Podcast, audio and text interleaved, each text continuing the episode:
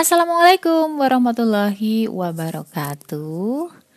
Di sini Ria Marliana, kalian lagi ada di podcast self healing berdamai dengan psikologi Islam. Ya, berdamai dengan luka, berdamai dengan bahagia dan lain sebagainya. Bahagia itu kan perasaannya kayak uh, hujan, kemarau, bergantian. Jadi kita nggak akan mungkin hidup bahagia terus gitu enggak. Tetapi seenggaknya mau bahagia atau sedih lagi ada musibah atau ada kenikmatan kita selalu tenang atau stabil.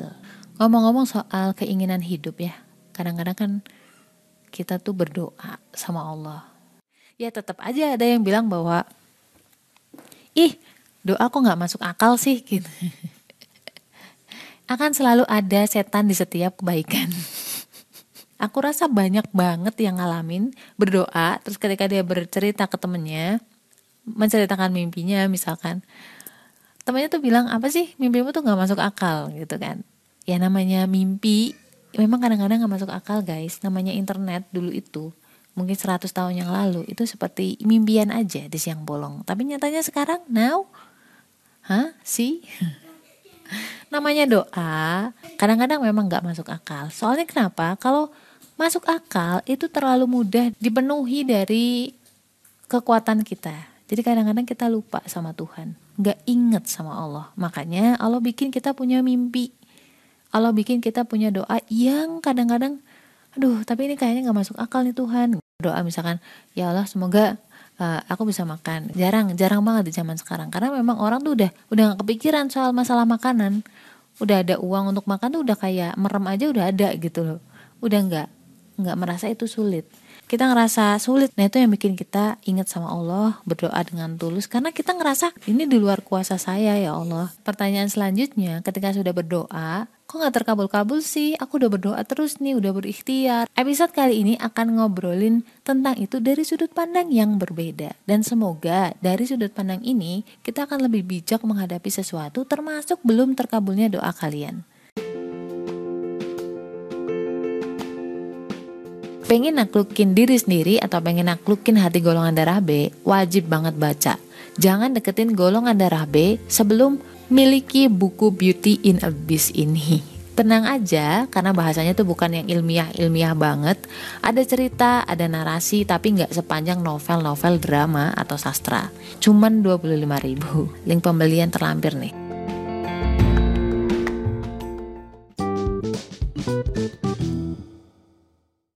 Beli TV baru karena TV yang lama rusak, udah nggak bisa dipakai. Dan TV ini spesifikasinya jauh melebihi TV yang sebelumnya ada. Jadi kayak dua kalinya lebih bagus lah. Keluarga yang satu dia malah khawatir kehilangan, ya nggak? Apa ya? Karena mungkin ngerasa memiliki. Jadi sepanjang mau pergi keluar rumah, dia khawatir tuh fokusnya ke televisi. Nanti kalau ada orang masuk, kalau ini, kalau itu, jadi khawatir gitu hidupnya nggak tenang malah mikirin TV nggak cuma jalan kadang-kadang sholat yang TV dan keluarga yang B itu tenang aja. Karena gini prinsipnya adalah semua adalah titipan. Yang penting udah berusaha ngejaga udah optimal secara ikhtiar dunia udah berdoa. Kalau memang TV itu masih rezeki mereka ya akan tetap bersama mereka. Kalau misalkan udah enggak walaupun mau dijaga ketat kayak apa pun itu tetap aja hilang ataupun rusak itu keluarga B kayak gitu. Kira-kira Allah lebih suka ngasih ke keluarga yang pertama atau keluarga yang kedua? Di mana keluarga yang kedua kalau dikasih tuh udah tenang manajemen hatinya tuh udah dapet gitu. Ketika dikasih nikmat nggak jadi khawatir nggak jadi takut kehilangan sholatnya juga tetap bisa khusyuk ya udah. Nah keluarga yang pertama kan mikir-mikir ya mau dikasih TV tapi malah lu ribet sendiri sama TV-nya malah sholat jadi nggak tenang ke mana-mana jadi nggak fokus. Kan kasihan berarti belum siap. Seperti itu pula doa. Allah tuh nggak akan ngasih pengabulan doa di waktu yang salah. Pasti Allah kasih doamu itu di waktu yang tepat. Kadang-kadang kita tuh mikirnya ya Allah udah setahun nih kenapa nggak dikabul-kabulin? Itu itu kita kayak ngedikte Allah gitu nggak sih? Kayak ya Allah tolong tahun ini dikabulin ya. Padahal kan Allah lihat Allah lah itu ini gak sih? Siap nggak menerimanya?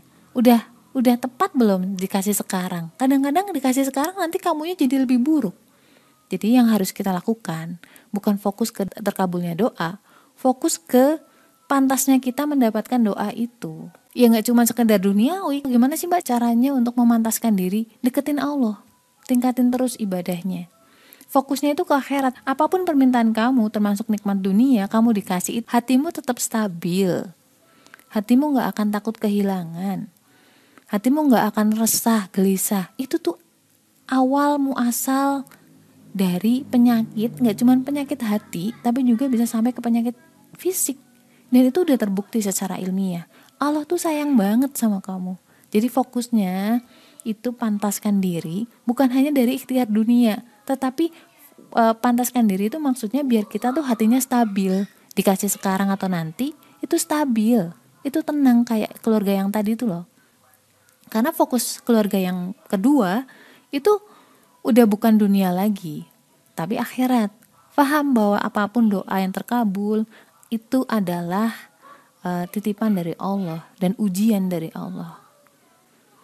Kalau tips gue ya, tipsku sih ya, uh, coba stabilin hati itu pakai sholawat, pakai istighfar, dikonsistenin gitu tiap sholat misalkan 100, 100 atau pagi sama sore itu kan ada tuh zikir pagi sama zikir sore. Semoga dengan itu kita pantas mendapatkan doa yang kita idam-idamkan tadi. So jangan sedih. Kamu jangan fokus ngedikte Allahnya, jangan. Fokus kita adalah memantaskan dirinya. Setiap kesabaran kita dalam keyakinan bahwa doa itu pasti dikabulkan sama Allah, itu jadi pahala loh buat kamu. Jadi tabungan kamu di akhirat. Ya sama lah kayak kita nunggu paket ya. Ya penjual udah ngirim gitu loh ya. Kita kan tenang tuh apalagi bisa update ya statusnya gimana. Nah karena itu sama juga dengan doa. Doa itu pasti terkirim sampai ke kamu. Terkirim. It's just matter of time. Golongan sahabat itu justru khawatir ketika doanya cepat terkabul doanya dikabulkan di dunia. Wah berarti nanti di akhirat kita nggak dapet nih. Gitu. Coba. Bisa nggak lo jadi aku berdoa semoga sabar dalam yakinnya kita sama Allah. Next, insya Allah aku bakal share tips berdoa agar dikabulkan oleh Allah dan kita tetap tenang ngejalaninya atau nunggu bis itu datang. So guys, apa pun masalahnya, semoga Allah selalu kuatkan kita semua dan yakin selalu bahwa Allah tuh sayang banget sama kamu. So stay love and assalamualaikum warahmatullahi wabarakatuh.